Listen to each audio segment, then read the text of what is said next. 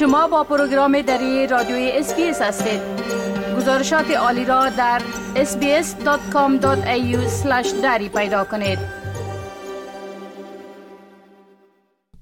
طبق گزارش یک مطالعه جدید در آگاهی مردم از علائم حمله قلبی کاهش قابل توجه به وجود آمده است.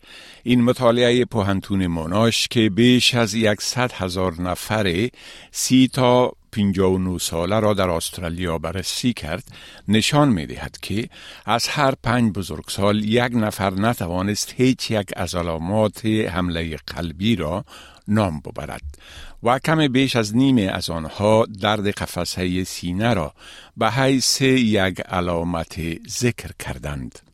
این خبر باعث تعجب انجام دهندگان این مطالعه شد که پیش بینی کرده بودند میزان فهم صحت قلب کاهش خواهد یافت اما نه به این میزان قابل توجه. پروفسور جانت بری از پوهنزه صحت عامه و طب وقایوی پوهنتون موناش نویسنده اصلی این گزارش است که می گوید درکی این علائم بسیار مهم است. It is vital um, because we know that people who attribute their symptoms to their heart when they're having a heart attack get to hospital faster. And that's incredibly important to receiving treatment to unblock that artery so that you do less damage to the heart as a result. So it is crucial. People, when they're having a heart attack, also tend to call others. So it's important that people know the symptoms just in case they do get a call from a loved one saying, you know, I'm experiencing these symptoms. What do you think I should do? هدف این مطالعه بررسی آگاهی عمومی در جریان یک کارزار بنیاد خیریه قلب تحت عنوان علائم هشدار دهنده و در زمان پس از آن بود که از سال 2010 تا 2013 انجام شد. این کمپاین به منظور بلند بردن آگاهی از علائم حمله قلبی و افزایش جرأت مردم در مورد تماس با امبولانس در هنگام مقابل شدن با وضعیت اضطراری برگزار شد. نتایج نشان می دهد که آگاهی از درد قفسه سینه به حیث یک علامت حمله قلبی از 80 فیصد در سال 2010 به 57 فیصد در سال 2020 کاهش یافت و شمار مردمی که نمی توانند حتی یک علامت را نام ببرند از 4 فیصد به 20 فیصد افزایش یافته است.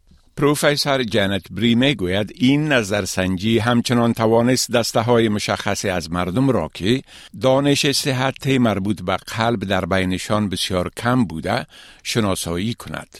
We know the groups that, that have low awareness. So for instance, people who have lower levels of education, um, our people who don't speak English at home, the message doesn't seem to be penetrating there.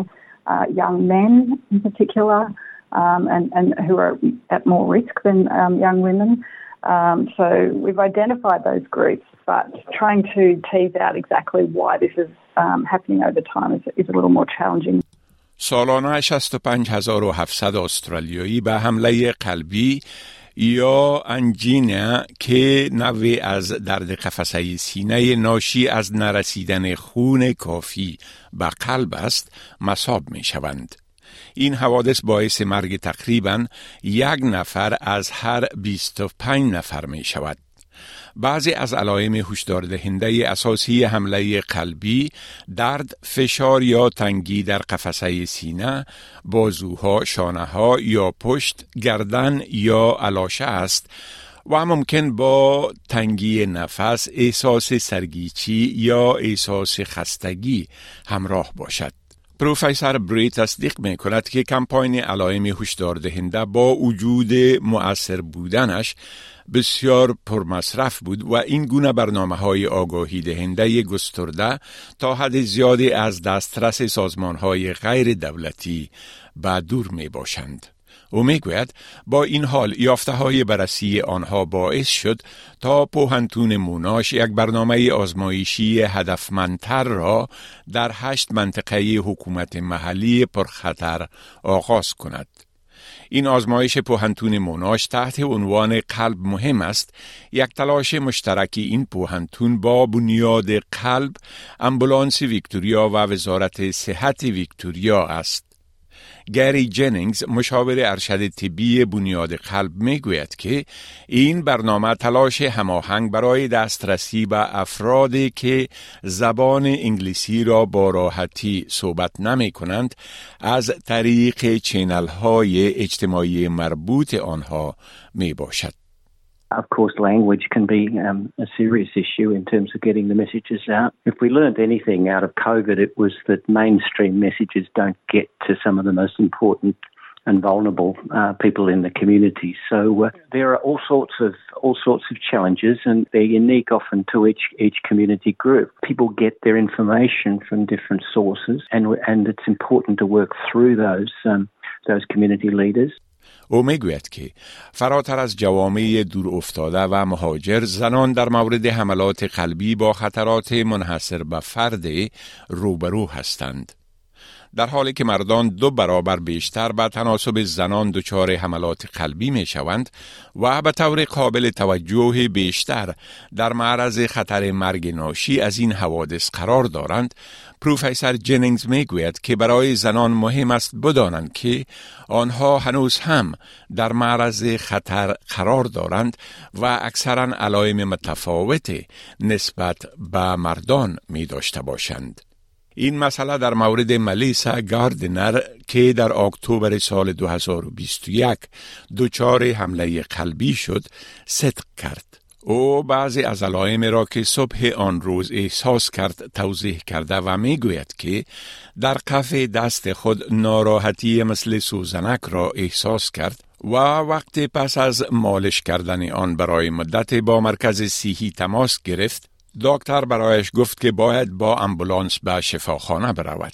I woke up at 1.30 in the morning, just had a niggly little pains, nothing really serious, um, and little light discomfort in my palm, like a like a tingling in my palm.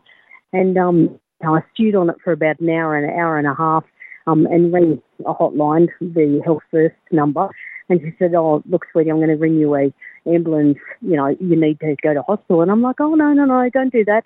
you know, it's nothing, um, it's nothing serious, I'm sure. And I said, no, I don't want to waste anyone's time. And yeah, got to hospital and found out that I'd suffered a heart attack. So very scary. در حالی که درد قفسه سینه هنوز هم معمولترین علامت حمله قلبی است زنان بیشتر احتمال دارد علائم غیر درد قفسه سینه مانند تهوع خستگی، نفستنگی، عرق سرد و درد یا ناراحتی در علاشه، شانه، بازو یا پشت را تجربه کنند. اینها علائمی هستند که عموماً با عوارض مانند انفلوئنزا، فعالیت بیش از حد یا سوی حازمه اشتباه می شوند. متخصصین پس از حمله قلبی ملیسا مجبور شدند نل را در یکی از شیریانهایش قرار دهند که 90 فیصد مسدود شده بود. تنها سه هفته بعد پدر او بر اثر حمله قلبی شدید درگذشت. ملیسا گفت که او هرگز در مورد احتمال حمله قلبی نمی اندیشید چون تصور نمی کرد که این یک مسئله قابل نگرانی برای زنان مانند خود او نیست. او احساس خوشبختی فراوان می کند که قبل از این که بسیار دیر شود تداوی شده است. Don't ignore it. It costs nothing to get it checked out. You know, the hospital aren't going to you know, turn you away and things say that you're stupid. I would definitely get it checked out because mine was so severe, so minor that I actually thought um, it was nothing. I thought I was wasting everyone's time. I, it shocked me when I found out it was a heart attack. اگر یکی از علائم ذکر شده در این گزارش مانند درد یا فشردگی در قفسه سینه بازوها یا گردن را احساس می کنید این موضوع را با کسی در میان بگذارید و اگر بعد از ده دقیقه احساس خوب شدن نکردید با سه سفر یعنی سفر سفر سفر زنگ بزنید و امبولانس بطلبید. گزارش را که شنیدید با کمک سم دوور از اس نیوز تهیه شده بود. بپسندید، شریک سازید و نظر دهید. اسپیس دری را در فیسبوک تعقیب کنید.